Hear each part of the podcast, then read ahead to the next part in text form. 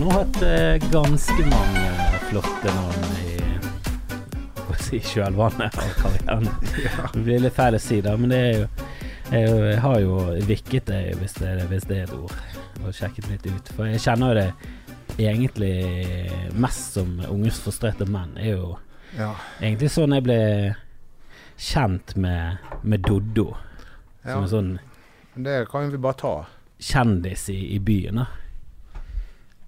Eh, du var jo liksom eh, Ja, du var musiker, og så var det Unge frustrerte menn, og så hadde dere noen Nei, eh, først og fremst hadde dere et sinnssykt bra navn. da Jeg liker veldig godt det navnet. Takk. Kan ikke du si det på luften? Jo da, vi bare begynner, vi. Skal vi bare begynne? Ja da. Ja. Jeg syns jo alltid det når Du er et sånt navn du bare merker det med en gang, for det er veldig Det er jo litt deg, da. Det er litt sånn koselig og lunt og underfundig og morsomt. Har vi begynt nå? Ja. Ja. Hvor lenge varer disse her podkastene dine? Eh, det varierer, eh, men alt fra en halvtime til eh, ja, Ja. nærmere en og en halv time. Ja. Er det noen som hører på? Jeg, må jeg tenke meg gjennom svarene mine? Eh, Ja, til dels, eh, så ville jeg tenkt eh, Kanskje ikke så mange musikere, det er kanskje mer komikere som hører på enn musikere. Tror du Lars Berrum hører på? Ja, det kan være. Tror du det? Kan være. Kan jeg få lov å sende en hilsen til Lars Berrum? Det kan du. er det sånn Er det noe provoserende? Nei da. Eh, han kalte meg Eduardo Douglas i sin eh, podkast. Eduardo Dock. Men Men- til hans forsvar så er han eh, veldig dårlig med navn. Ja. Men eh, til eh, Men eh, overhodet ikke Men eh, han fortalte en veldig rørende historie om, eh, om meg eh, på podkasten eh, sin. Jeg spilte han av for familien min også, eh, men han har en podkast sammen med Martin Beyer. Ja. Den heter vel Berrum og Beyer og noen greier. Ber, eh, Berrum og Beyer snakker om greier, tror jeg den heter. Beyer. Jeg liker det rimet. Ja, og den podkasten er veldig, veldig morsom. Ja. Jeg har bare hørt den ene episoden som ble, jeg ble omtalt i, men jeg får begynne å høre på det, da. Med, eh, litt mer nøye. De var litt dårlige på navn, sånn musikernavn og sånt generelt. Men uansett, det var veldig interessant at de snakket i ti minutter om meg. Men hva var det de snakket om, da? Nei, Lars Berrum var jo da eh, prisutdeler under Spellemannprisen. Var han det, ja? Ja da. Veldig rart valg. altså ikke fordi at uh, noe vei med Lars, da, men fordi at det er musikernes aften, og han er vel en komiker. Ja, og han er vel ikke Han er vel egentlig ikke kjent nok til å være ikke-musiker og dele ut pris, tenker jeg. At han, han, er, han ligger og vaker. Han kunne vært han, Det er kanskje noen som har sagt nei. Men eh, han var i hvert fall veldig morsom. Jeg lo. Men som han sjøl sa i podkasten, det var det ingen andre som gjorde. Altså det var, han, han, når han kom der den dagen eh, på prøven og sånn, så hadde han tatt veldig mange morsomheter. Han fortalte disse morsomhetene, som jeg lo godt av mens eh, han fortalte det. da. Men eh, det var ingen som lo, sa han. Men eh, jeg syns jo han hadde en morsom introduksjon. Og han skulle da dele ut eh, eh, prisen for årets tekstforfatter, der jeg var nominert. Så jeg, ja, ja, ja, ja, det var selve prisen din. Ja. Så jeg hørte jo spesielt godt dette ja. når han snakket. Em, og de nominerte var jo Lars Saabye Christensen, Odd Nordstoga, Ina Wroldsen og meg. Og det var absolutt ingen i forkant som hadde sagt 'dette kommer du til å vinne', da. Utenom svigerfar. Men det følte jeg var mer sånn empatisk eh, holdning. Ja, det, det er pappaen til Kristine Hope. Ja. men han er jo eh, veldig optimistisk og veldig entusiastisk, da. Ja. Ja. Så det, det, det var litt sånn Kanskje var han du hører mest på når det gjelder sånn oddsmessig, prosentmessig. Men absolutt alle andre sa 'dette vinner Lars Saabye', eller 'dette vinner Ina Wroldsen'. Veldig bra nominerte, da. Det er jo eh, to, De to mennene er jo superstjerner, og Ida Wroldsen er jo også innen musikkbransjen et veldig stort navn. da Hun er jo det. Hun har jo, Hvis du går inn på Spotify og ser hvor mange streaminger hun har i forhold til meg, så Ja, og så er hun veldig sånn Hun er jo en sånn musikers musiker. Hun er jo veldig sånn flink produsent. Hun, er sånn, hun var, har jo vært Idol-dommer. Hun er jo veldig sånn Ja. I, I bransjen er hun veldig mye mer respektert enn hun er ute i samfunnet, føler jeg. At hun er en sånn Hun er en sånn skikkelig stødig, flink musiker som, som er, ofte sånn får sånne priser, da. ja, hun er, men hun er helt sinnssykt god å synge. Ja. Eh, og eh, hun har jo også vært med å lage noen hiter, og hun har sunget på noen hiter. Det er jo ofte sånne her Det, det syns jeg er sånne opplegg. Sånne, en eller annen elektronikaartist som hyrer inn en fenomenal sanger.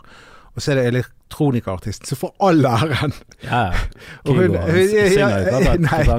Ina Wroldsen hun synger på en sånn her elektronikalåt som er bare helt vanvittig bra og alt mulig. Men det står ikke Ina Wroldsen noen steder. Og det er en kjempehit, altså internasjonalt. Nei, da må, hun, eh, da må hun liksom komme seg opp i et sånt sjikte at hennes navn er med å selge hitene. Men eh, det er veldig mange anonyme sånne spesielt syngedamer som bare er syngedame på to giga, gigantiske hiter, og ingen kan navnet på dem. De, de vet at E-Type laget den og den sangen, men det er ingen som vet hvem som sang på E-Type sine sanger. Den, den er faded til Alan Walker. Det er vel ingen som kan navnet på hun som Nei. synger der. Nei, det, det er en sånn quiz-greie, og hvis du klarer det, da, da er du peiling, altså. Ja, det Men gratulerer, du vant i den prisen. Ja. Det var stort. Men ja, det var det. Eh, Men jeg plutselig bare tenkte på denne Skal denne podkasten være morsom? For da føler jeg jeg har kommet helt galt av sted. Eh, Eh, nei, det er ikke noe, det er ikke noe krav. Ikke vi, noe skal, krav. vi skal snakke om, om deg, Dodo, og livet ditt. Og blir det gøy, så blir det gøy. Og blir det morsomt, så blir det morsomt. Blir det, kommer vi inn i noe veldig trist nå, så, så dykker vi inn der også. ja, nei, eh, men jeg, kan jeg ta denne Lars Ja, Berrum-historien ja, ja, ferdig? ja, Lars Berrum, Lars Berrum. Han er i hvert fall gøy.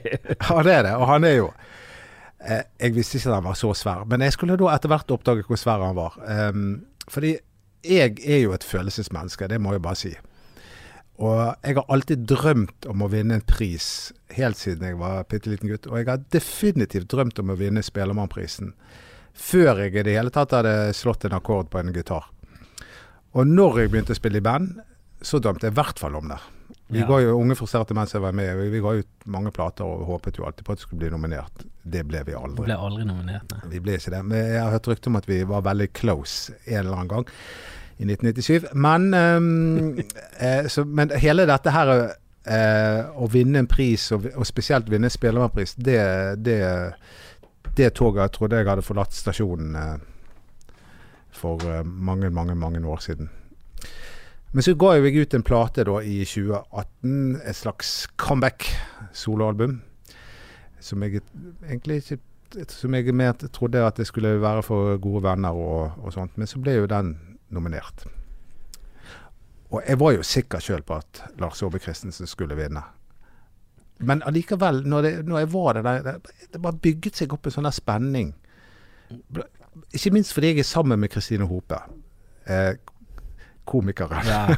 Men hun, hun har Altså, hun er en sånn vandrende suksess. Så jeg føler at av og til at det smitter over på meg. At hun Alt hun tar i, blir til gull. Ja, hun, har, hun har tatt det. ja, hun har tatt det. Så, så det, det var derfor jeg hadde Kanskje, kanskje kan jeg vinne dette, for jeg, jeg, er tross alt det er jo alltid en mulighet. Jeg har vært nominert til priser, og eh, to ganger så tenkte jeg Nei, tre ganger så har jeg tenkt det er jo de andre som vinner. Jeg har ingen sjanse her. Det er kun én gang jeg har tenkt at her har jeg en mulighet, og den gangen vant jeg.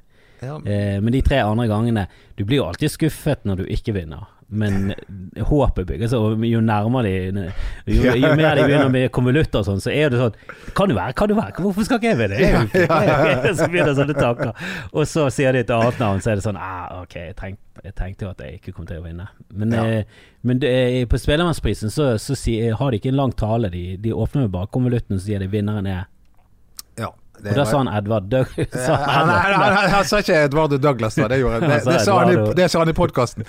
Han sa navnet mitt, og Eduardo Andersen, sa han. Um, jeg vet ikke jeg bare spratt opp fra stolen. Jeg vet ikke hva, Det var, virket som en selvfølge at Ja, visst er det meg. Men jeg glemte helt å snu meg til Kristine og gi hunden en klær. Altså, alle disse tingene som jeg da har fantasert at jeg skulle gjøre siden jeg var 15 år. Ja, det var det. Har du liksom Ja, du, du har sett for deg hva du skal gjøre. ja. Og har du også tenkt sånn kritisk på hva andre gjør? At Ja, ja, ja. det der er jo amatør. Men du skal Ja. aldri gjøre det. Du må jo selvfølgelig gjøre det først, og så det. og Og så, og så var jeg redd for eh, Det er så bratte trapper i Chateau så jeg var redd for å snuble. da, så jeg var konsentrert meg. Men idet jeg går nedover, da, så kjenner jeg at jeg, nå, nå bryter jeg sammen. Sant? Eh, eh, Altså, det var virkelig en sånn flodbølge som, som idet jeg kom opp på scenen, så bare ta deg sammen, Dodo. Og så tok jeg meg sammen, og så eh, klarte jeg å framføre en takketale. Eh, jeg glemte å smile, sa svigermor. Du sto der stram som en tinnsoldat. Men jeg måtte bare få takket eh, de jeg husket å takke. Det var ikke alle, men uh, i hvert fall en del. uh, og så kom jeg jo da inn på bak, Ja. bakreiene. Og der sto Lars Berrum på en måte og ventet på meg. Og mens jeg kommer der, så bare kjenner jeg at jeg Nå bryter jeg sammen. Og så mistet jeg hele spellemannfristen. Og så begynte jeg å hulke. og Lars eh, Berrum, han er jo en fin fyr, da. Det var, jeg har jo hørt rykter om at han, Han er er veldig empatisk. Han Ja. er, han er veldig empatisk. Så han tok meg da i favnet. mulig det var jeg som kastet meg over. Jeg vet ikke helt hva som skjedde. Med Tarjei Strøm som er litt som strykende i bakgrunnen. ja, for han kjenner du. Ja, han kjenner jeg litt. Grann. Så, eh, og, så- og så var det Du vet eh, hvordan det er når menn griner. De griner ikke litt. Da bare kommer alt. Ja, ja. Så da kom det en flodbølge. Da kom det en flodbølge, og da kjente jeg hvor svær Lars Berrum var. Altså, han er jo to meter høy, men jeg tror han er to meter brei også. Han, han, han er jo så kraftig. Altså, dette, nå snakker jeg muskler, ikke fett. Ja, han er, han er faktisk tidligere europamester i karate. Jeg vet ikke om det var i juniorklasse eller om det var senior, men han eh, holdt veldig mye. Han er jo han er topptrent, og han, Ja. er, han er faktisk to blank, så han er jo en svær mann. Skal du få en eh, bjørneklem, så er han veldig god til det, altså. Ja, jeg, jeg kjente at uh, dette var ikke fett.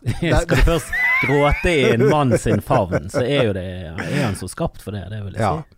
Og jeg, han er jo så svær. Altså, hodet mitt var Jeg følte at jeg lå inntil solar plexus på han. For du er jo ikke en lav eh, mann. Nei, jeg er ikke det. Jeg var høy før i tiden, men, men folk blir jo bare høyere og høyere. Så plutselig har jeg blitt eh, Ja. Ja, nå er du eh, litt under middels. Du er var- litt pleide å være litt jeg pleide å over være litt over middels, nå er jeg litt under middels. Det er litt skuffende å høre. Det, nå vil jeg ikke gå inn og sjekke statistikken. For jeg var alltid over middels, men nå er jeg sikkert, Ja. bare, nå er jeg sikkert bare midt på tre.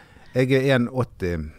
Ja, jeg var sånn 1,82-1,83. Ja. Ja. Jeg har krympet litt, og du krymper jo. Fra du er 27, så går jo alt Ja, og- nedover kroppslig. Sånn er det bare. Men eh, det var Lars Berrum-historien, eh, som han da fortalte eh, på sin Ja, for han fortalte at du gråt i armene Han fortalte Ja. dette så han fortalte, Jeg syns han overdrev litt, grann, da. Men, ja, men det er jo sikkert for humoristisk ja. effekt, vet du.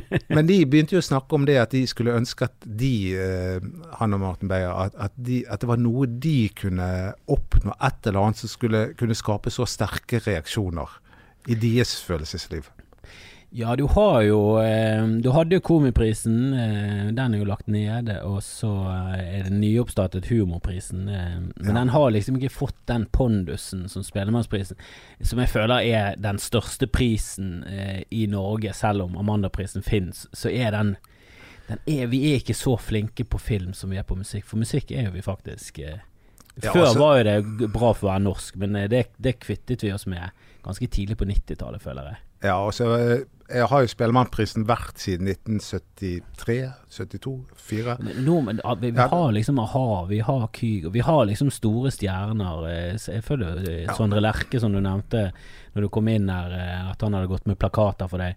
Eh, han er jo borte i LA mye, og så ser han spiller mye på sånn Han spiller mye på et sted som heter Largo, som er hovedsakelig for komikere.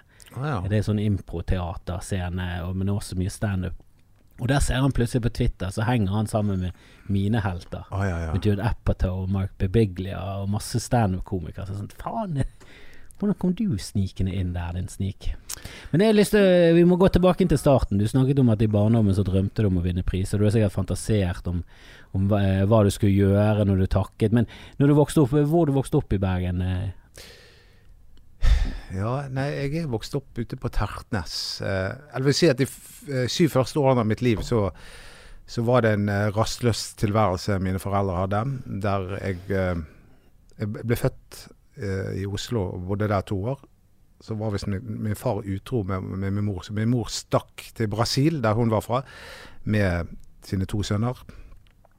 Em, og der kunne jeg ha blitt, hvis ikke Så det var, du var med på lasset? Jeg var var med på lasset. Jeg var jeg med to sønner som ble med, og så eh, Men så tror jeg min, min far var jo piano, pianist, og piano, han hadde seg sikkert min en pianostudent Ja, inne. en en eller annen klassisk musiker Ja. på et eller annet instrument. så, men han ba om Han søkte tilgivelse. Fikk det. Så etter et halvt år så var det tilbake igjen eh, til Bergen, ute på Tertnes. Eh, og så var vi der i to år, før da min far fikk jobb i Sverige, i Karlstad.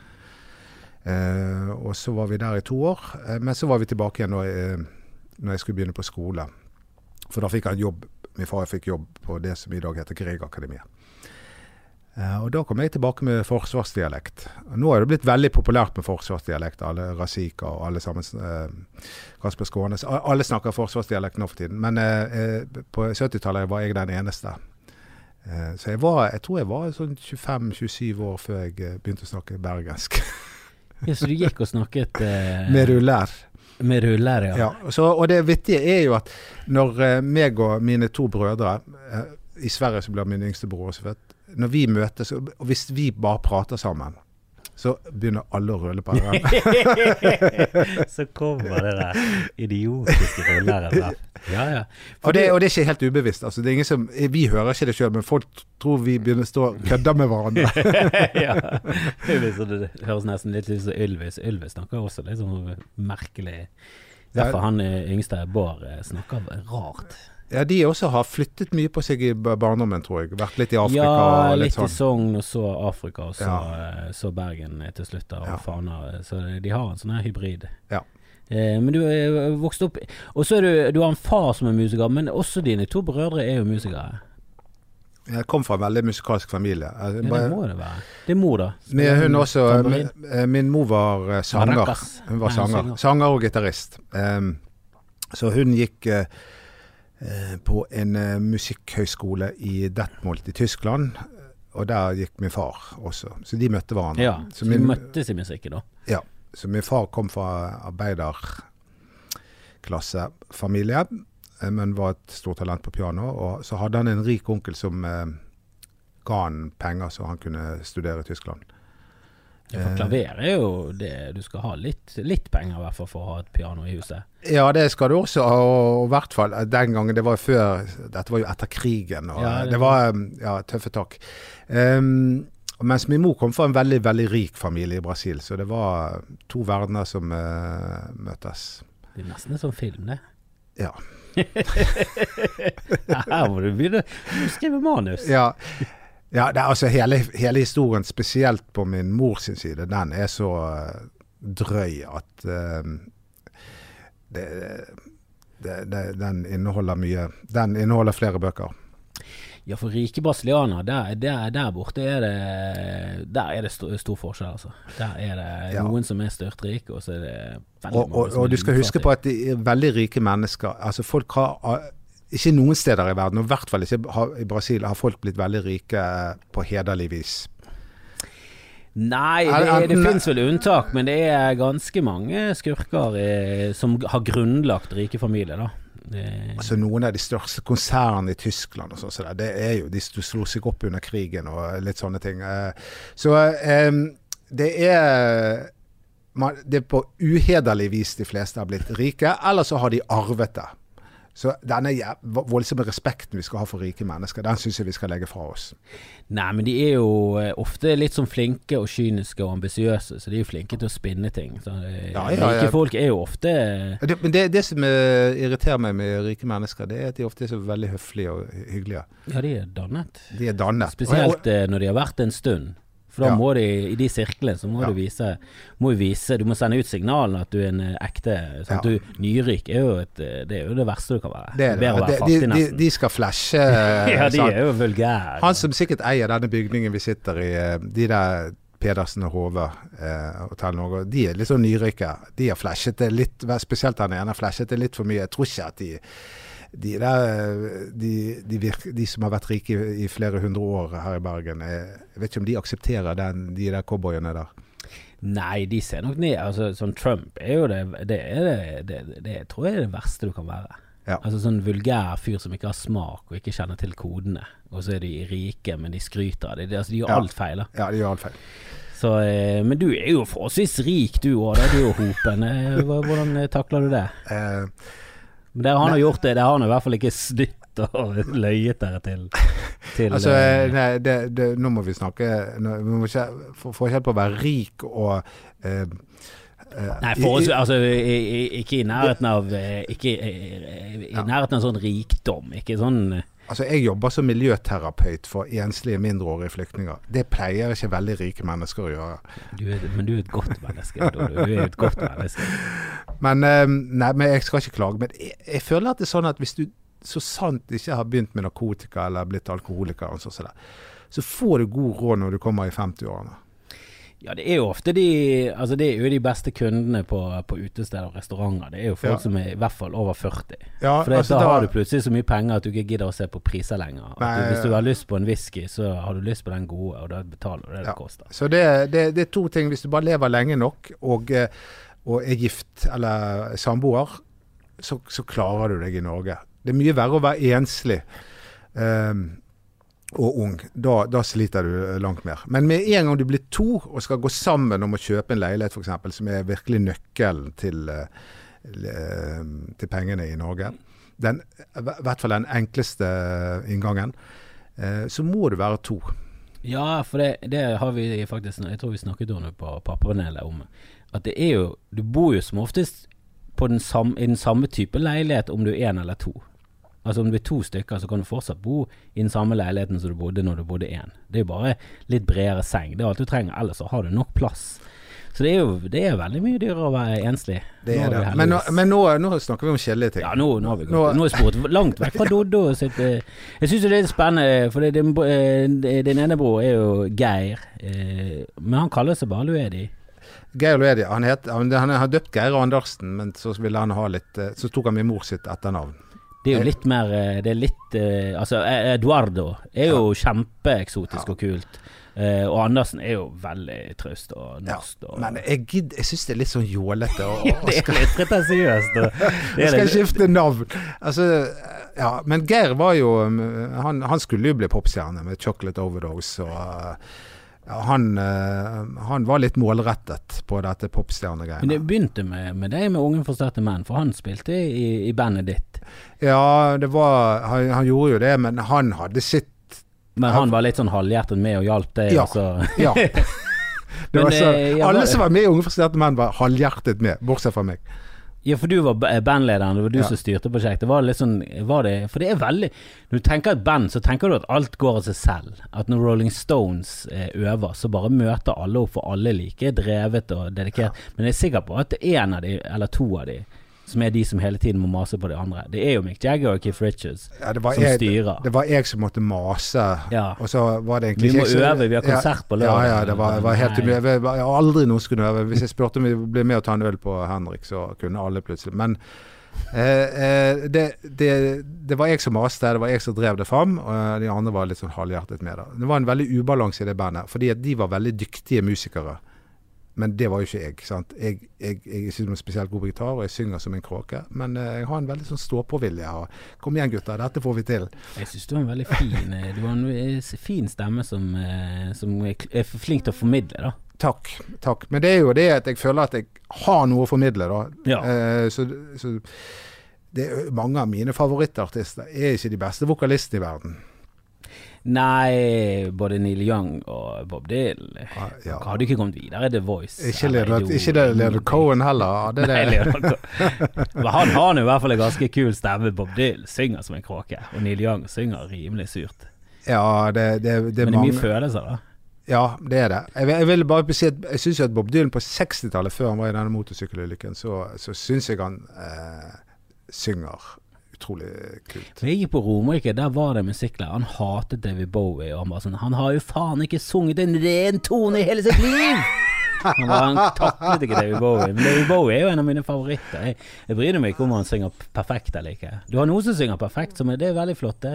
Eh, Altså- han, eh, han i Queen, altså det er jo Ja. fantastisk. Det er jo Men veldig sånn teknisk skolerte sangere som ikke Freddie Mercury var, syns jeg. Men han har en fantastisk stemme. Nei, Men, var men, vel- eh, men de sånne teknisk skolerte som skal eh, vise at de er gode, de, de syns jeg er helt uinteressante.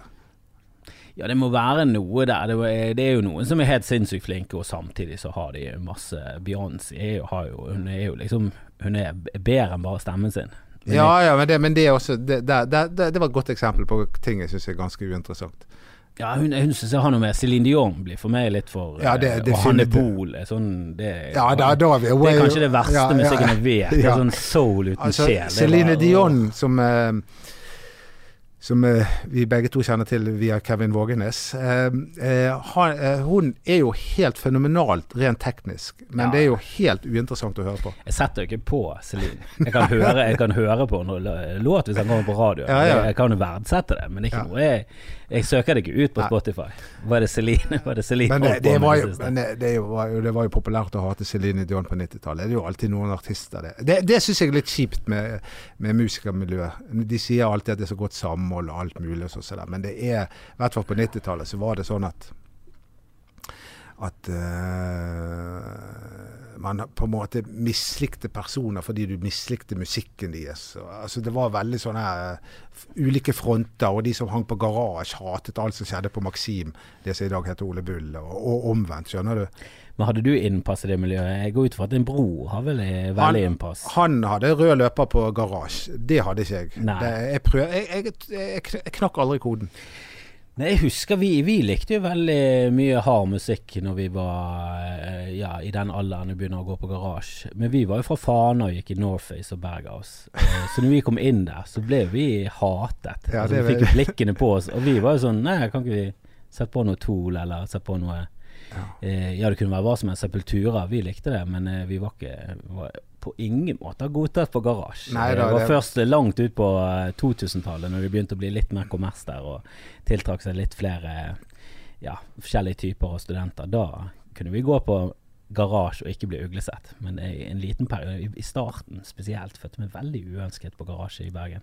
Ja, det gjorde jeg også, og jeg gikk jo der. Jeg bodde jo rett ved siden av omtrent, så jeg var jo der tre-fire ganger i uken. Altså. Men, eh, Til og med da, altså. men eh, det var et eller annet. Jeg, kom, jeg, jeg smilte litt for mye og hilste for mye. Jeg var litt, Ja, så- det- litt for høflig, tror jeg. Ja, jeg husker jeg var der med en komiker som heter Jason Rouse, og han er litt som metallfyr. eh, Og han kjente en del som spilte i Gorgoroth. Eh, Som driver med veldig mørk musikk, da. Eh, Så vi eh, jeg, jeg tok med meg dame som heter Jason, og så var han Jeg tror det var gitaristen i Gorgoroth, og damen hans. Og han var sammen med en utrolig flott eh, dame fra Spania. Så der bondet min eh, dame med henne, da, for hun har bodd der, så de snakket spansk sammen. Men han satt der, og han lo aldri, da. Og han satt med to komikere. Og vi satt jo og fjaset og lo og koste oss.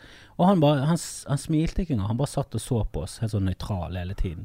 Og jeg bare tenkte sånn Hva er det for et liv å leve? Altså, hva er det for en ting å liksom holde på med? Og ikke le og kose seg. Det er jo ikke det man skal? Ja, men jeg føler at de der døde ut, eh, på en måte. De, de der humørløse menneskene av, av de kunstnertypene, da. Et, det, det, det er ikke sånn nå lenger, føler jeg.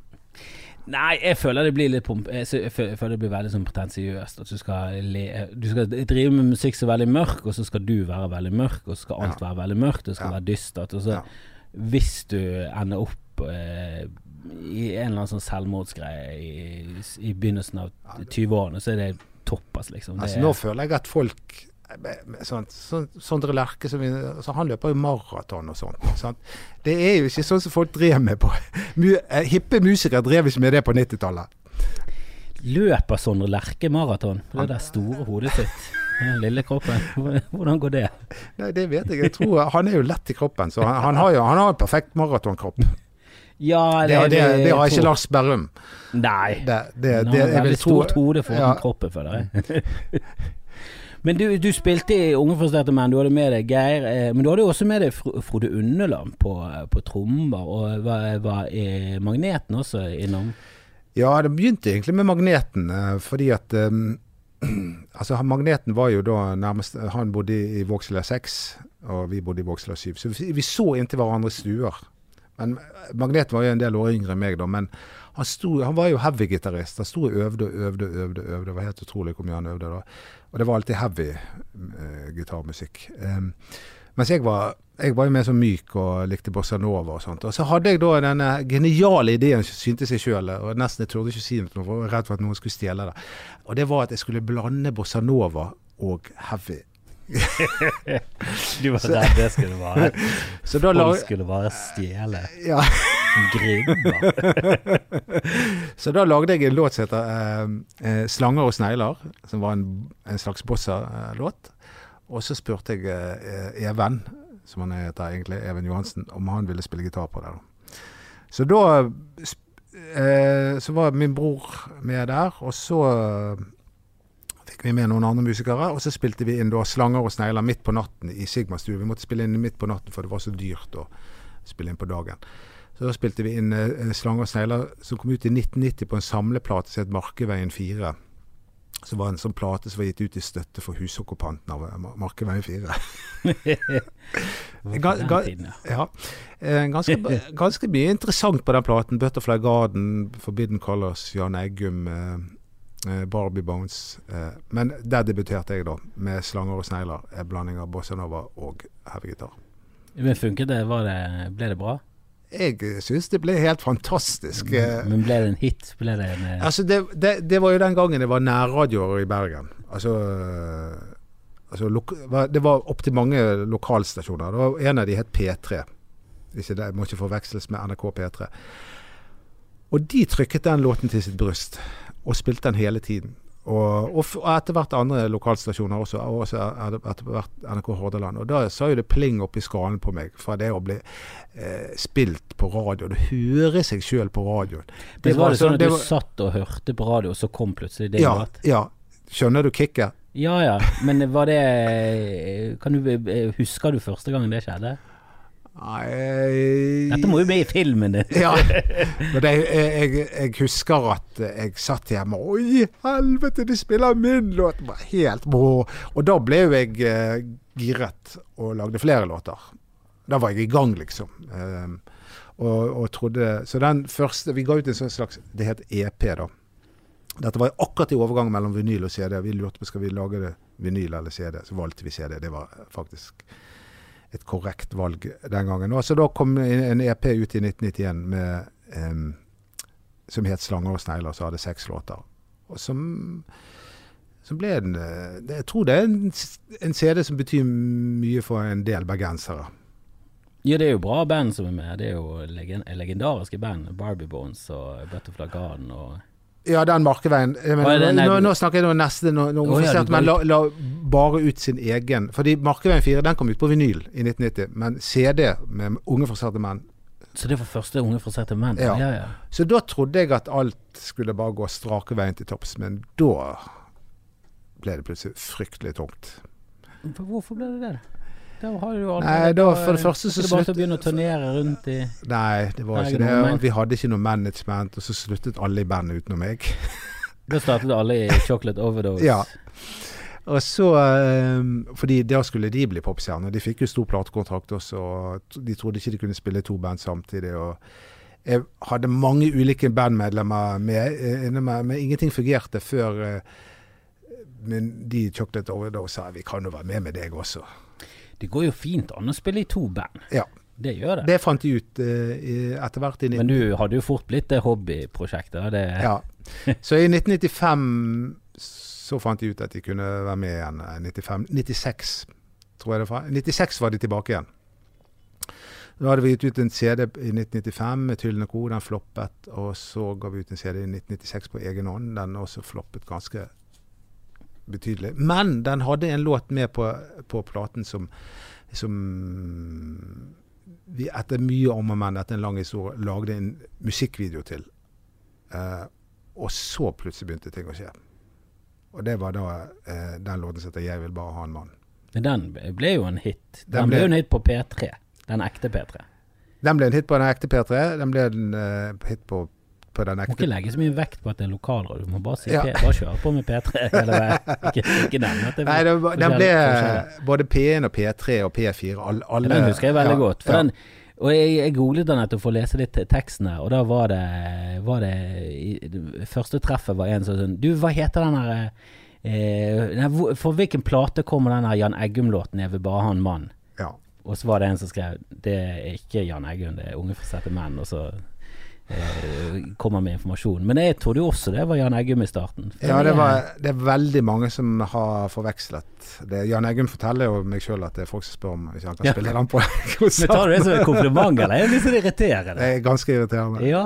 Det var- Det var jo Når du endelig har en suksess, så tror alle at det er Jan Eggum. ja. Så det, Så hvis du begynner å spille den på konsert, så er det sånn Å, nå spiller han Jan Ja, Eggum-cover òg. Ja. ja. Nei, jeg spiller ikke den låten uten at jeg kommer med hele forklaringen. Og, eh, ja, ja, for du liker å prate litt mellom. Jeg liker å prate. eh, Som så, Jan Eggum. Ja. Eh, men jeg prater eh, Han forteller vitser, han. Ja, han er veldig sånn eh, tørre. Tørre, Ja, han- han var- ja. vitser. Ja. Eh, Mye ordspill. Ja, ja, det er nesten bare ordspill. Ja. Og det, ja, det er måten han forteller det på som gjør det morsomt. Ja. Han er, han Men jeg, jeg forteller ikke vitser eh, på, på konserter, men jeg forteller historier. Det gjør jeg. Men der fikk du en hit, og da, da trodde du i hvert fall at nå kommer prisene, nå kommer hederen, nå kommer æren. Ja, for da fulgte vi opp med å, å lage egentlig vår beste CD, syns jeg. 'Hodet i sanden'. Mm, som vi da inkluderte 'Jeg vil bare mann' på igjen, fordi den, den vi hadde gitt ut sjøl, var jo bare trykket opp 1000 eksemplarer. Og kun 100 av de hadde var solgt. Så, um, så, og da fikk vi platekontakt igjen med Krappa. Og da trodde vi at Da tok det litt av, men ikke sånn som jeg hadde trodd. Det tok ikke full fyr i teltet. Uh, så prøvde jeg igjen året etterpå med øl og peanøtter. Da fikk vi en sånn hipp produsent fra Oslo og skulle følge oss eh, til mål med suksess. Men eh, så ble det sånn moderat der også. Så begynte da sakte, men sikkert uh, piffen å gå ut. ja, for det, jeg, jeg husker jo eh, Jeg husker spesielt når eh, Var det det bandet til han som skrev i, i VG, Frode Glus, Glucifer. Ja, Eh, han kjenner jeg. Ja. Han, han sånn, Fridtjof, han som måtte eh, trekke seg fra ja. VG. Eh, jeg husker jo de var jo også sånn som leverte veldig bra, veldig bra. De turnerte veldig mye. Og så med en gang de begynte liksom Det så ut som at det skulle løsne for Ja. dem. Så bare orket jeg ikke. Da var det bare sånn Nei. Det, det tar for mye. For. Vi har jobber i tillegg, folk begynner å få familie. Det. Vi orker ikke den der dritturneen en gang til. For de var jo sånn punkband som spilte mye rundt. eh, De spilte jo mye mer utenfor Norge. Da. Men, Ja, det. men det skal jo ekstremt mye vilje og ambisjoner og, og ikke minst utholdenhet til for, for å klare det. For det, de færreste får jo liksom et, et gjennombrudd med en gang. Du må jobbe hardt for det. Du må det. Men jeg, jeg, jeg var veldig utholdende. Og jeg har, jeg har jo denne ideen om at hvis du bare holder ut lenge nok, så løsner det. Du vant jo Spellemannsprisen. Ja, det var akkurat det jeg gjorde. um, men eh, jeg Sett i ettertid så skulle jeg ønske at jeg hadde gitt meg med det litt grann før. Men, eh, men på en annen side så, så brakte da Unge frustrerte meg eh, Den åpnet noen andre dører for meg, da. Mm, først med at jeg da lagde kabaret med mm, Odd Nordstoga. Det var første gang jeg så navnet hans. Det var Ja. på plakat med deg. Da Ja. kjente jeg hvem du var, Ja. og så var det Odd Nordstoga. Så da hadde vi en eh, kabaret som het 'Kjærlighet er best på pinne', som var utrolig gøy. Um, og jeg, jeg tror det på en måte var begynnelsen av suksessen til Odd Nordstoga også, fordi at eh, Herbo Kråkevik ville ha han med på sin neste revy, kabaret. Og da anbefalte jeg han veldig å gjøre, for da ville han få samme manager som Herborg Kråkevik, hvilket han fikk også. Og da, hvis du har en virkelig god manager, så åpner det dørene seg. Men hva med deg, da? Du, Nei, vil det ikke er- Herborg vil ikke Herborg ha noe med deg å gjøre? Herborg er faktisk veldig god venn, men, og ikke minst mannen hennes. Men, eh, men Odd Nordstoga er jo et Altså, han er jo latterlig god på trekkspill og gitar og god Ja, han er god, god med på sånn show og sånn. Ja, helt klart. Og han er et, han er et enormt talent. Eh, mye, mye, mye større talent enn meg, på, og med, med allsidig. Men, eh, men uansett, så eh, når jeg hadde laget den kabareten, så, mm, så spilte vi den også en del på et sted som het Smuget i Oslo. Eh, Ja, jeg husker Smuget. ja. Og der var det en dag at noen fra et forlag var og så på, og spurte om jeg ville skrive bok eh, om eh, eh, rundt tematikken i den kabareten. Så da skrev jeg bok for første gang. og da var det oppdaget Bergens Tidende at jeg kunne skrive, på en måte. sant? Og så plutselig så var jeg inne i varmen med Bergens Tidende, og, øh, og, og etter hvert spurte de om jeg ville skrive en blogg om eh, sportsklubben Brann.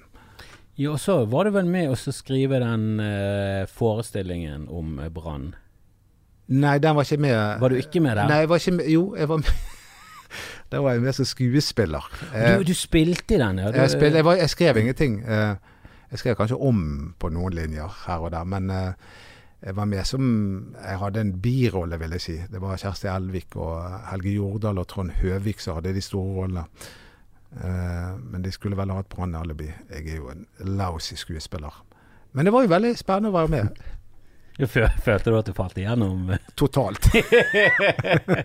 Men nå er, nå er, det rivelig store navn du er, du er sammen med. da Kjersti Elvik og Helge Jordal og Trond Høie. Altså, det er jo Det er svære navn, og du merker, du merker den kraften der. Ja. Altså, altså, at de har noen ekstra gir å sette inn.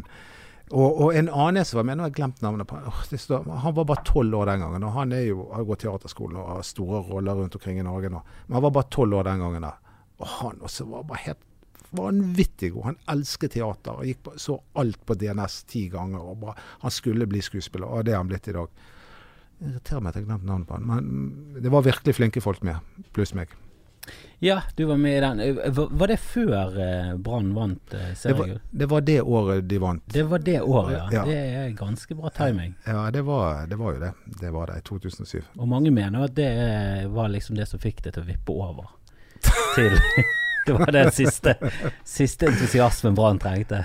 Det var det, det, Sett sånn i etterkant, så eh, som, Hvis du skal snakke om bra, hvorfor Brann vant gull i 2007, så handler det om at noen av byens Nå tilbake igjen til de rike mennene i, i, Bergen. Noen av de rikeste menn i Bergen de samlet seg og bestemte seg for at nå skal gullet hjem til Bergen, og koste hva det vil koste.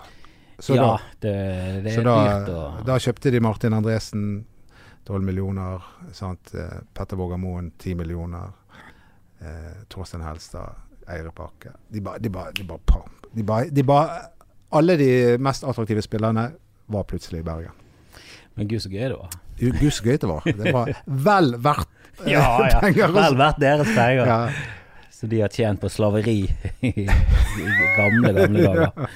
Uh, nei, men du er jo en uh, Du er jo uh, kanskje landets mest kjente Brann-supporter nå, i hvert fall Bergens mest kjente. Du og, det er jo du og Davy og et og par til som er sånn Og han David Vatne, det er veldig vittig, men han hater meg. Han hilser ikke på meg eller noe sånt. Um, så det, det, er veldig Det, det er splid innad i kjendissupportermiljøet. Ja, men det virker jo så. Davy har ganske lav terskel for å blokkere folk på Twitter. Og han blir lett eh, snurt eh, hvis du sier noe som han er, litt uenig i, da.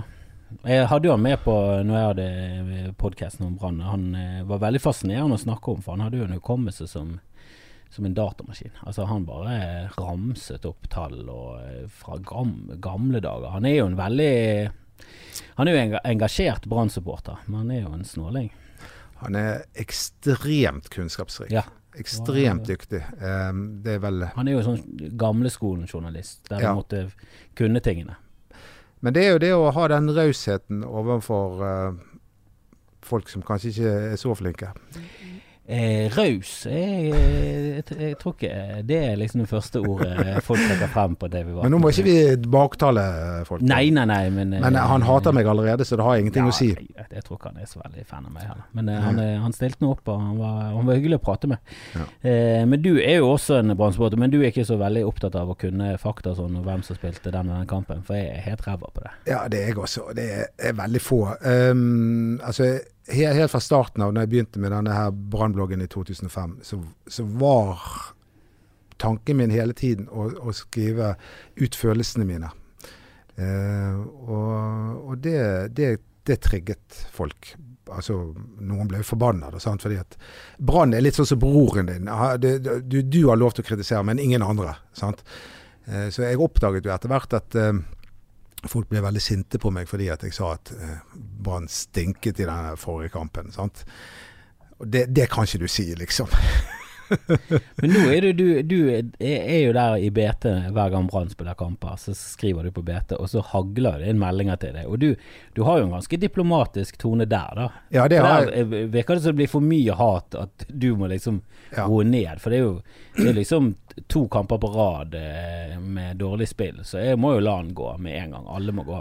Alle må gå. Uh, men nei, det, jeg, jeg har blitt uh, folk, Jeg føler ikke at folk hater meg lenger. Jeg tror for, uh, folk har blitt litt bedre kjent med meg.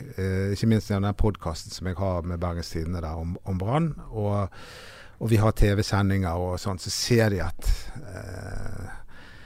at vi, at vi har hjerte for Brann. Og det og grunn Altså, vi vil ikke at det skal være helt Nord-Korea, fordi det blir helt uinteressant. Eh, hvis vi bare skal hylle Brann uansett. Men det er jo, det er jo motsatt av hat er jo ikke kjærlighet, det er likegyldig. Nei, motsatt av kjærlighet er ikke hat, det er likegyldighet. Du, du Ja. begynner å hate ting fordi at du er engasjert og du vil Ja. så mye, og når det går mot det, så, så trigger det sinne og hat. Eh, og av skuffelse. Det er jo, fø det er jo følelser. Er du likegyldig, så Ja, det, er jo, det er jo sånn barn kan av og til være så jævla dårlig at eh, du, du hater de litt. Grann, sant? Og bare, nå, du bare kaster de ut av vinduet. 'Jeg vil ikke snakke mer med deg.' Men så dagen etterpå så bare går du ned og henter han opp igjen fra gaten. Ja, jeg, jeg er ikke sånn langsint, men jeg ble veldig skuffet når, det, når de treffer Rosenborg, som ligger nede med brukket rygg, og så må de selvfølgelig klare å tape den kampen, selv om det, eh, det var ikke sånn Det var ikke det at de ble rundspilt eller noe på den måten, men det var liksom Det vippet Rosenborg sin vei, og det er så ty det, Det er så typisk. det er jo så typisk, og jeg har opplevd det så mange ganger før. Jeg husker, husker jo på 90-tallet. Jeg husker russetiden så var jo eh, Rosenborg eh, De vant selvfølgelig serien i, i vår russetid.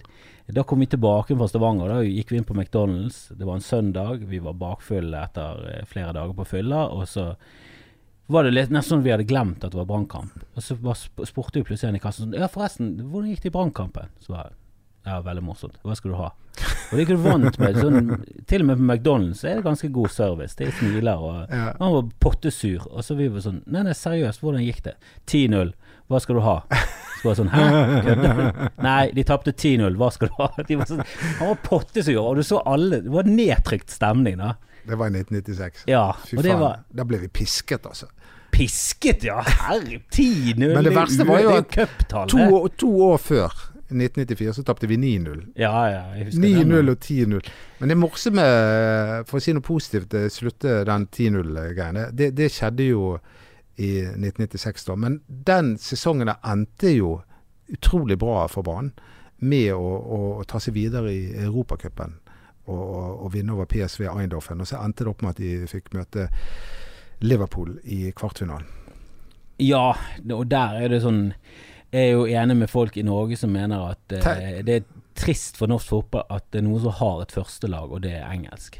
Ja, det, det, det er så pinlig. Men det er jo én ting er hvis du kommer fra Trondheim eller Oslo eller Bergen. Da har du lag å velge mellom. Hvis du kommer Ja. fra hvis du kommer fra Kautokeino, så Ja. har du kanskje Tromsø som et sånn Ja. topplag, og du har kanskje et lokallag. Så der kan jeg skjønne at du kanskje faller for fristelsen å få det et Ja. engelsk lag, så du kan liksom følge litt med. Men når det er bergensere som står på Brann stadion og heier på Liverpool, da mener jeg at de burde bare blitt funnet og bare blitt bannlyst. Det er, sånn Det- trenger de, du ikke. De skulle vært stilt opp og skutt ved I hvert fall med paintgun. Med daggry. Ja, det, det blir for ille. Det er for dumt, Ja, altså. det, det er helt forferdelig. og jeg heier jo på United. Hadde Brann truffet de i en europacup og de hadde slått United, så hadde jeg jublet. Men tenk at Brann spilte 1-1 mot Liverpool eh, på, her på Brann stadion i, i, i 1997. Blir, er vi vel over da? Ja, jeg så om igjen det målet til Robbie Fowler. Jeg, Ja, jeg har alltid ment at det var en veldig passiv keeper, men eh, det er veldig flotte mål. Altså. Det er veldig, veldig, veldig flott. helflikker nå over Gemme Brendesæter. Det er ganske kult. Men du kan jo si at eh, Brann og Liverpool sine veier har gått eh, litt sånn forskjellig Ja, retning siden den gangen. Dette var jo i norsk fotball sin eh, andre gullalder, altså herrefotball sin Ja. andre gullalder. Eh, vi var liksom gode før krigen, og så var vi gode inn eh, ja, på midten av 90-tallet. Begynnelsen av 90-tallet, midten Ja. av 90-tallet, og også til dels mot slutten. Men så stoppet jo det veldig brått. Eh, og så nå er vi tilbake på det nivået nesten som vi var Ja, nå er det, nå er det fælt. Ja, det nå, var- nå er det kanskje en, det er kanskje en ørlite lys med de, de unge nå, da. Men eh, det, vi var liksom tilbake igjen på 80-tallet en liten periode der. Der vi var sånn fornøyd med 0-0 mot Østerrike hjemme. Altså det, for meg er det altså Det var jo en veldig topp rundt 2005, 2006, 2007 og 2008 publikumsmessig. Men det har de også mistet helt taket på. Da. Og det, det, er som, det, det er litt for mange som glemmer at fotball er underholdning. Altså, alle skal forsvare seg til en eller annen 1-0-greie. Det, det blir for kjedelig.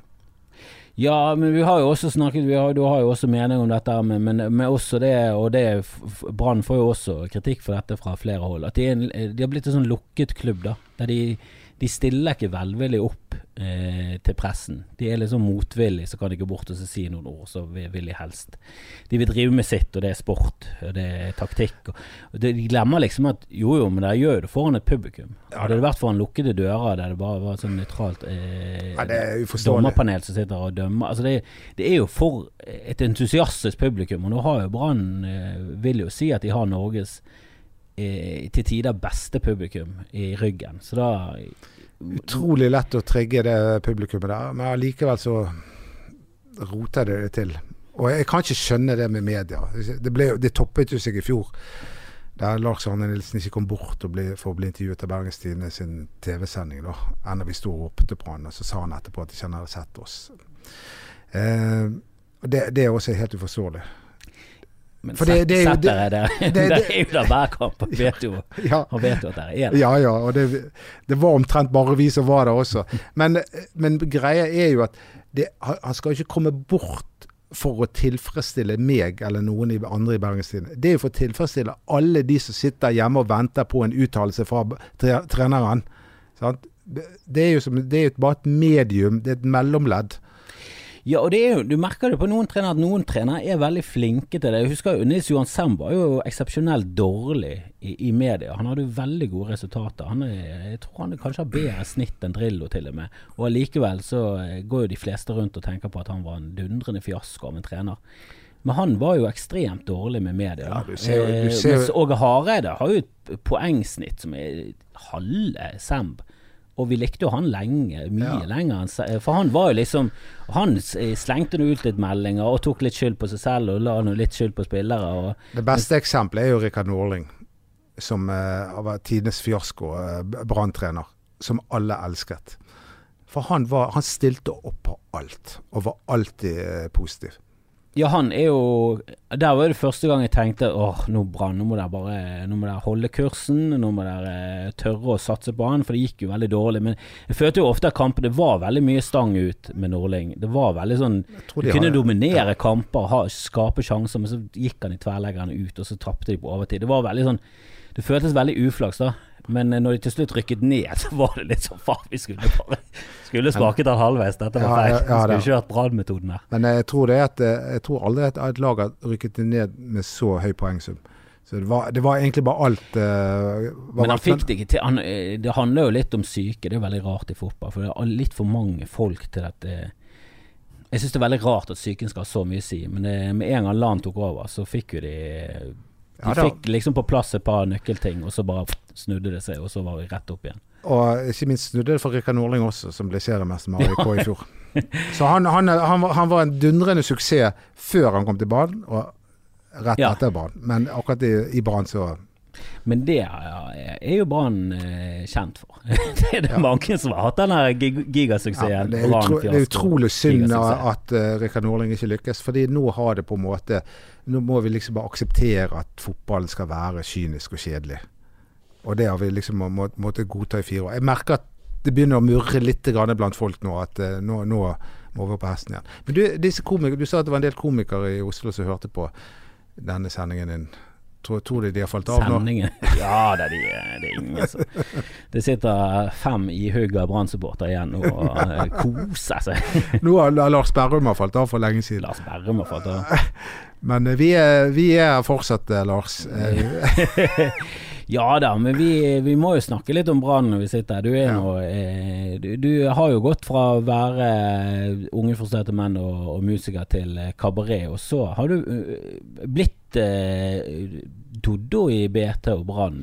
Liksom, Du har blitt en synonymt med Brann nå. Det er du som har blitt den folk eh, skrifter til under kampene. Ja da, jeg, jeg har helt- Får du mye sånn eh, på gaten? Og, Ja, ja. altså, Jeg blir stoppet hele tiden. Ja, og, det, det, ja, og det merkelige er at jeg, eh, jeg stopper alltid opp og begynner å kjenne at jeg blir engasjert. Tror du det er det latinske i det? At du har det der engasjementet Ja, det, det er ikke mye brasiliansk med meg, men eh, det brasilianske med meg er kanskje den der eh, dedikasjonen og, og åpenhet. For hvis det er noe som eh, eh, gjenkjenner alt jeg har bedrevet, om det er med bok eller plate eller kabaret, så er det en, en lidenskapelig åpenhet.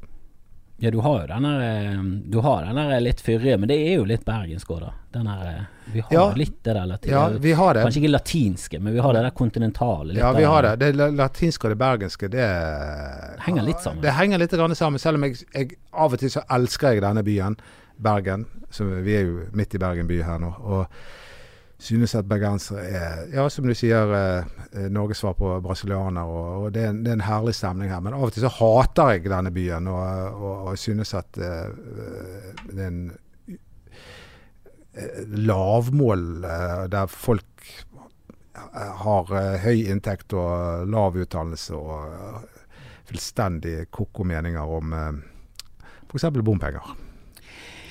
Ja, men eh, nå bor jo du i sentrum og lider vel ikke så mye under bompengene. Jeg kan skjønne det til dels, da, men det er jo Det er vi som lider, for pokker. Det er Vi som jo- bor i sentrum. Er det, det, er det dere som lider? Ja, ja. Vi må jo gjennom bompenger hver gang vi skal inn etter hvert utenfor byen. Så må, og, og vi skal Hver gang inn dere skal igjen. hjem. Sant? De som bor ute i Åsane eller ute i Fana, så de kan jo bare sirkle rundt eh, lagunen der og tilbake igjen. Og det har de drevet med i alle år. De har ikke vært her i sentrum. De vet ikke hva som skjer her i sentrum. Det er ganske gøy i sentrum, men det vet ikke de. For de kjører bare til lagunen. Men nå må de betale bompenger for å komme til lagunen, og da begynner det å rasle med sablene der ute. Ja, jeg syns jo absolutt altså, Er Men, du eh, men, bergenser, så bør du komme deg Ja, til men helt alvorlig. Vi har en klimakrise på gang. Sant? Altså, hvis ikke du er helt stute med å fornekte det 99,99 av hva alle forskere sier. Du, det var en sveiser på YouTube som hadde en god teori om Ja, noen solflekker. Ja, men det, vi har en klimakrise på gang. Det er, eh, det er, det er, er klimaendringer. eh, I tillegg til mange andre store miljøproblemer som eh, plast, eh, enorme plastøyer ute i havet. Ja. Du, du vet svevestøvet i denne byen og sånt. Og man er nødt til å gjøre noe. Og jeg mener det at rike nordmenn du, du kalte meg rik, da. Men de fleste nordmenn er faktisk ganske rike. Jeg kjenner ikke en eneste person som, der um, økonomien vil bli veltet av bompengene. De jeg kjenner som er mest sint på hele de bompengegreiene der, har minst én million i, i, i årsinntekt. Og det er de som er mest forbanna. Og så skyver de da noen eh, alenemødre fra Hylkje foran seg. Men det er ikke de det dreier seg om. Det dreier seg om en følelsesmessig ting, og det er om at de vil sitte i bilen, de vil ha den friheten. De, bilen er en, det, det, det, det hjemmet deres, på en måte. Det, det er et eller annet der som trigger de. Det er en, det er en emosjonell ting. Det handler ikke om penger. Det handler om emosjoner. Det er derfor det er så sterke reaksjoner. Nei, jeg så nettopp et regnestykke som eh, hadde regnet seg til at bilister hadde faktisk fått det litt billigere. Selv med bompengering så hadde de fått litt billigere i det Ja. siste. De Ja. siste årene så hadde det blitt litt billigere å ha bil. Ja. Jeg satt meg ikke veldig inn, jeg så bare overskriften. Nei, men, det, men hele ideen bak bompenger, det er jo at det skal bli mindre biler på veiene. Sant? Og så begynner de å klage at det har blitt så dyrt at de ikke kan kjøre så mye. Ja, men Det er det som er ideen. og pluss altså sier man og, Selvfølgelig, jeg ser at det har, rammer noen hardere enn andre. Ikke minst de som bor på Hylkje, da. Eller i obskure jo, steder. de kunne gjort det på en, de Men- men- gjort det på en annen måte. Men, men det, det, poenget er at om, vi, vi, vi, må, vi må planlegge for framtiden. Sånn som London en gang i tiden gjorde. Og la en uh, undergrunn under der. Tenk hvor forutseende de var for uh, Vet du man, når de gjorde det? Det var ikke det på 1800-tallet? Jo, Ja, slutten av 1800-tallet. Det- Med hester og sånn. Ja, det, det er helt Og de begynner å snakke om at det er umulig å bygge tunnel i Bergen. Ja. De, de gjorde det i slam i, i London for 200 år siden. Så det, Så nå må vi snakke om hvordan denne byen skal bli om 20-30-40-50 år. Eh, og, og da er det det at vi må ha en bybane som går på kryss og tvers av denne byen. Og så må vi ha bebyggelse rundt bybanen. Og så må folk slutte å bo i svære eneboliger rundt omkring og, og, og tro at, eh, at, eh, at, de skal, altså, at det skal være bussforbindelse eh, fram til, eh, til dørstokken. Hørte du det? Hylkje. Suck it. Nei, men nå har vi vært innom mye. Nå har vi vært innom musikk, brann, og endte opp med en tirade om miljøet. Det er jo, Ja, det, er jo det, er jo det er vel deg, det. Ja. Er både politisk og samfunnsmessig. Fått eh, Og kunstnerisk. jeg vil Var dette en sånn inngang til slutten? Ja, jeg, jeg, jeg følte det var begynte å bli et bra bra Ja, utropstegn på slutten. Men da, da kan jeg få lov å bli invitert en annen gang, så kan jeg få lov å snakke om eh, andre favorittemaer. Og det er diktatorer. Oi, diktatorer. Ja, ja. Med eh, positiv eller negativ til deg? Det er mye positivt ved en diktator. Ja, Bare hørt synd at alle blir gal. Alle blir gale. For det er noen som sier hvis vi hadde hatt en, altså en, en eh, ja, altså for, for, Kina er jo et veldig effektivt land, sant? fordi det er et diktatur. Så får de gjennomført ting. sant? Pang. Mens Norge er et demokrati, og ergo så tar ting litt tid, og folk blir litt forbanna fordi det tar litt. Ja, det er flere som eh, har meninger og skal ha sin stemme hørt. Og det som også er et problem med demokrati, er jo at du ofte tilhører mindretallet. Ja, det Eh, er veldig Jeg er jo i, i noen saker er jeg veldig i mindretallet. Jeg føler at jeg får litt sånn Det er flere og flere som kommer på mitt eh, lag, men jeg føler jo ofte at at ting bør være helt eh, prinsipielt, så bør ting eh, sånn lovmessig, som f.eks. narkotika, så bør det være sånn Det bør være en prinsipiell grunn bak at det skal være ulovlig, og det ser jeg ikke. Jeg skjønner ikke hva staten har med hva du ruser deg på, og hvorfor du gjør det. Da kan jeg heller tilrettelegge for at Og innse det at Men ja, det- de det- fleste mennesker vil ha rus, så la oss heller gjøre det på det, den beste kommer mulige måten. det kommer nok, men det er en modningsprosess. Eh, Ja, jeg tror, nok, jeg tror nok det kommer innen ti år. For Ja. jeg tror det kommer, den ballen begynner å rulle veldig fort. Ja. Og USA er jo, var jo de som begynte med narkotikaforbud, så eh, Ja. Eller i hvert fall å påvirke andre land til å være med på det. Og, Men, nå- men nå, nå dro du dette litt eh, det, Ja, vi men kan det, gjerne eh, dra men, litt tilbake. men det er fordi f.eks. hun Tryti, som er byrådet byråd i, i Bergen, da, som da får gjennomgå noe vanvittig. Men hun er jo demokratisk valgt. Altså Hun er en representant for demokratiet. Og så er det noen som nekter å godta at hun har makt. Men det er jo demokratiet som har stemt henne fram. Og Det må vi akseptere. Men tilbake til diktatorene. Eh, Jeg har da en fascinasjon for å lese om eh, bøker om diktatorer, for å bare se galskapen. eh, Altså, det begynte med Mao, så det er Mao jeg kan mest om. da, men og han står sannsynligvis bak at 75 millioner eh, kinesere eh, døde. De fleste av eh, sult. Men ja, den dumme går ut og, og får vekk spurvene. Ja, for eksempel. Det var det, var det store spranget. Men, men Stalin, eh, Pol Pot, eh, Mao, Adolf Hitler eh, Og vi har jo moderne di Ja, diktatorer. Mugabe, Ja, ja, ja, og han er nede i Syria nå. Altså, det er så og Castro. Ja. Fidel Castro også, som kanskje er det noe av det nærmeste vi kommer en, eh, en god diktator. Jo, det er jo jeg, jeg tror de alle begynner bra. Altså Mugabe var jo liksom en, en helt som kjempet mot eh, kolonistene. Altså han var jo en eh, Han var jo liksom en Han kjempet jo på de godes side. Men så et, all makt korrumperer alle. Ja. Og det irriterer meg når folk begynner å dele det opp i kjønn og hvilket parti du står på. Ja. Sånn.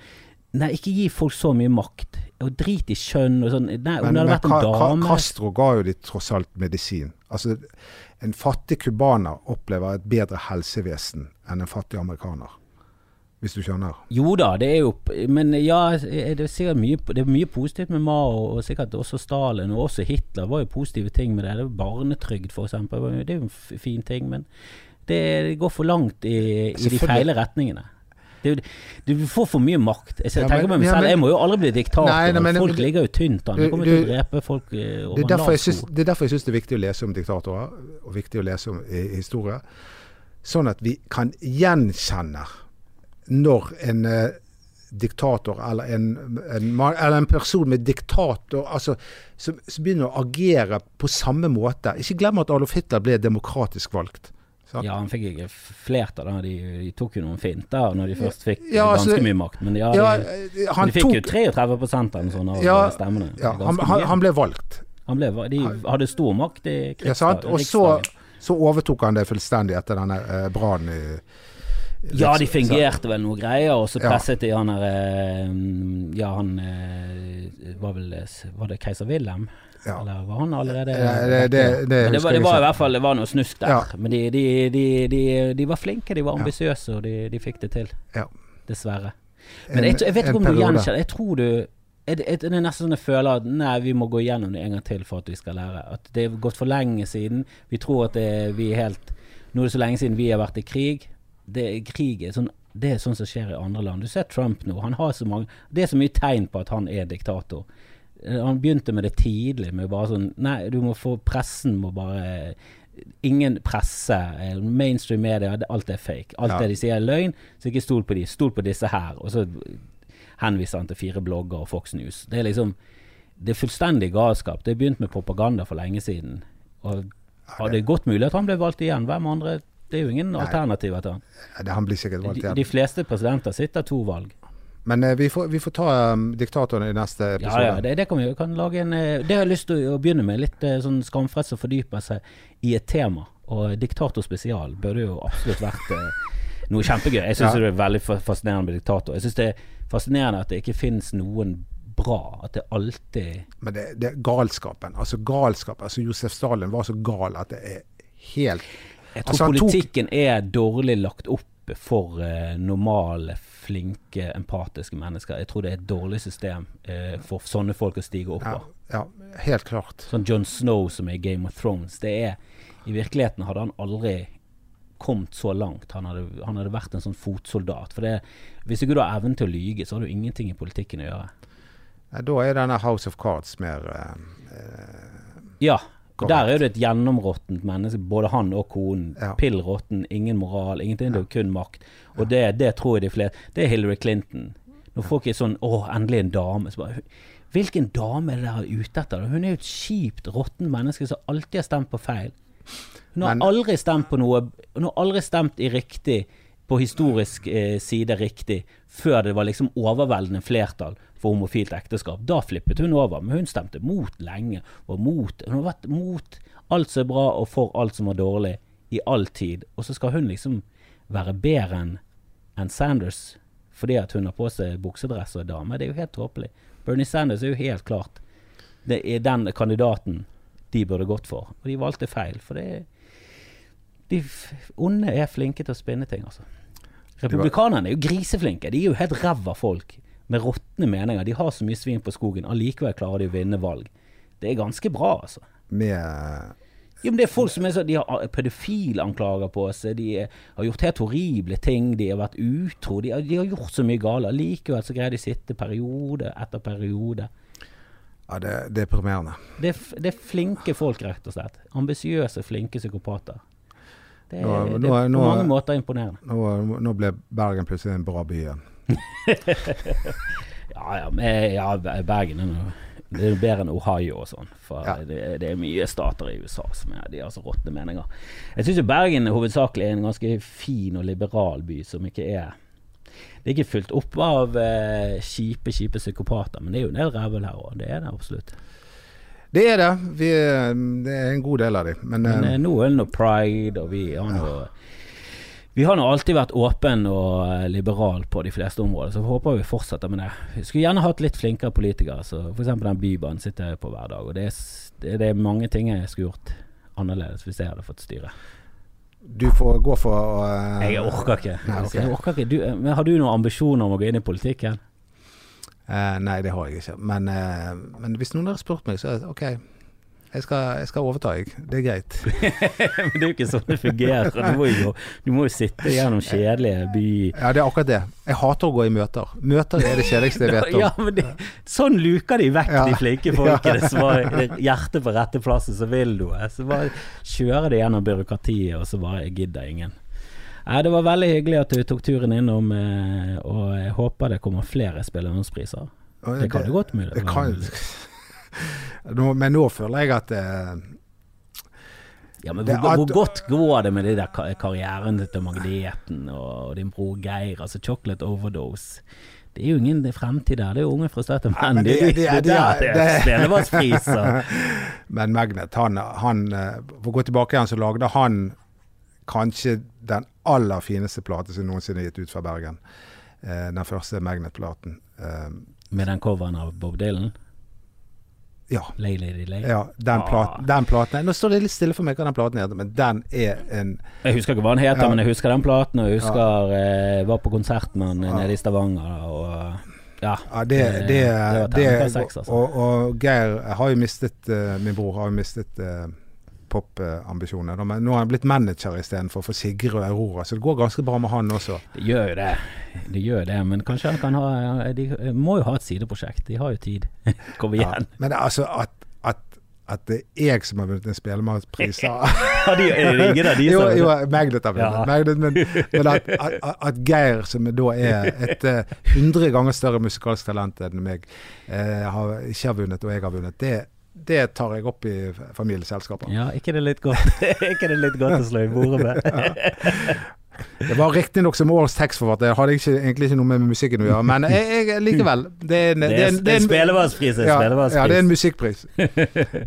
hvor, hvor har du den? Du har den eh, fremme, du? Jeg har fremme. Jeg- I tilfelle jeg får besøk, så kan folk se det.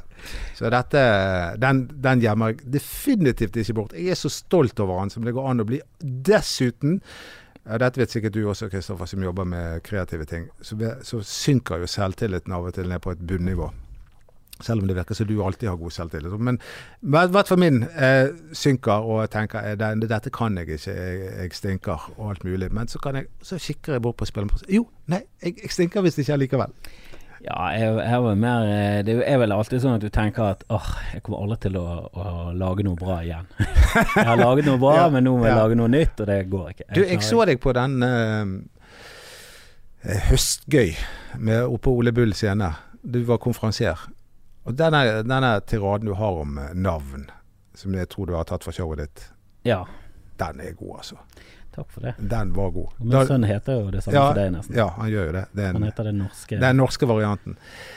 Eller den, den opprinnelige varianten, tror jeg nok det kan si. at Ja, er det den, den sånn enge, engelske. er det et engelsk navn, Ja. Mm, Vet du hva det står for? Han som vokter rikdommen. Ja, det, Så Et passende navn Ja. på den nye rike Ja. dodoen. Ja, men jeg, syns jo det at eh, Kanskje din sønn kan vurdere å skifte fra Ed Edvard til Eduardo. Eduardo er flott, altså. Det er kult. Og det er litt morsomt. at Jeg syns det er gøy med familier der det er veldig stor sprik mellom navnene. For du heter Eduardo, og din, og din, Ja. din bror heter Geir, som er Ja, men Som kanskje, ikke høres ut som men kanskje jeg skal gjøre som Lars Berrum at han kalte meg Eduardo Douglas. Kan- kan- Kanskje det Doddo heter det, det, var i, det var i Det var i fortiden. Ja. Nå er det Douglas. Eduardo Douglas. Men skal jeg fortelle hvorfor jeg heter Hvorfor jeg kalles for Doddo? ja, det, det kan du gjerne Det- ta. Det er en fin avslutning. Det er en fin avslutning. Nei, det er fordi at eh, det skrives egentlig DUDU. Dodo. Og det er Dodo, eller Doda, som er fetter. Um, det er ofte et eller Edo, kallenavn for Eduardo. Så de, ja, ja, så, de, så de som heter Eduardo, blir ofte kalt Dodo. Sant? Og så eh, ble jo så ble jo det til Doddo på, på bergensk. Ja. Så, og så fant jeg ut at jeg ikke kunne skrive det med U. Fordi da sa jeg bare for Dudu. Det var, Ja. mobbing de luxe. Og så, og så skrives det egentlig DU, DU. Um, og så forandret jeg til O. Do, do. Og da ble jo, kom jo mobbingen. Ja, Dodo. Sant? Ja, Dojan og alt det der. Så da la jeg Så da la jeg inn en ekstra D. Ja, men det er derfor du vinner Spellemannspriser. For du leker med språket. Du skjønner, du skjønner hvor effektfullt det er for folk. Ja. Jeg holder på å spille en ny plate også, det må jeg få lov til å si. Ja, nå kommer det. Nei, jeg tipper på at den eh, kommer i 2020. Eh, våren 2020. Og den tror jeg skal hete 'Sakte sløves vi ned'. Det passer veldig for, passer veldig for den tiden vi lever i. Ja. For det, jeg føler at det, vi dessverre Selv om mye statistikk som viser at det blir bedre og bedre, så føler jeg at du får i hvert fall litt inntrykk av det når du er på Twitter og du er på kommentarfeltet, at, at folk sløves ned. At vi har glemt litt hvor ille det en gang var i Europa, og nå er vi på vei mot eh, litt for langt ut til høyre for, eh, for min smak. Og vi må ikke glemme at eh, vi lever kanskje på den altså, historisk aller, aller beste tiden i Norge noensinne. Vi har aldri hatt det så bra som vi har det akkurat nå. Og spesielt hvis vi sammenligner med, med andre land. Eh, med de aller, aller fleste mennesker på denne jordkloden. Og kan ikke vi prøve å være bitte litt takknemlige over det, og ikke bare gå rundt og klage på bompengene? Absolutt. Vi burde, vi burde sett mye mer på hvor bra vi har det, enn å finne feil med, med ting. Sier jeg som finner feil med absolutt alt. Men jeg er enig med deg på den. I Ja. det store og hele er jeg jo en ganske positiv fyr i livet mitt. Men jeg bare irriterer meg veldig over feil, og spesielt eh, Vi, vi skal, klart vi skal, få lov, vi skal få lov å irritere oss. Eh, Kaffekopper, f.eks. Dette var en ok kaffekopp, eh, by the way. Men kaffekopper kan jeg sitte og irritere meg. Ja. Men jeg, liker, jeg kan irritere meg veldig over småting, men i det store og det hele så, så mener jeg at eh, ja, vi må absolutt gjøre noe med miljøet. Og vi bør absolutt eh, også ha, ha raushet nok til å ta imot folk og hjelpe folk i nød. Det må, må ikke glemme at det bor fem millioner mennesker med norsk avstamning i USA pga. at de flyktet pga. hungersnød her. nettopp.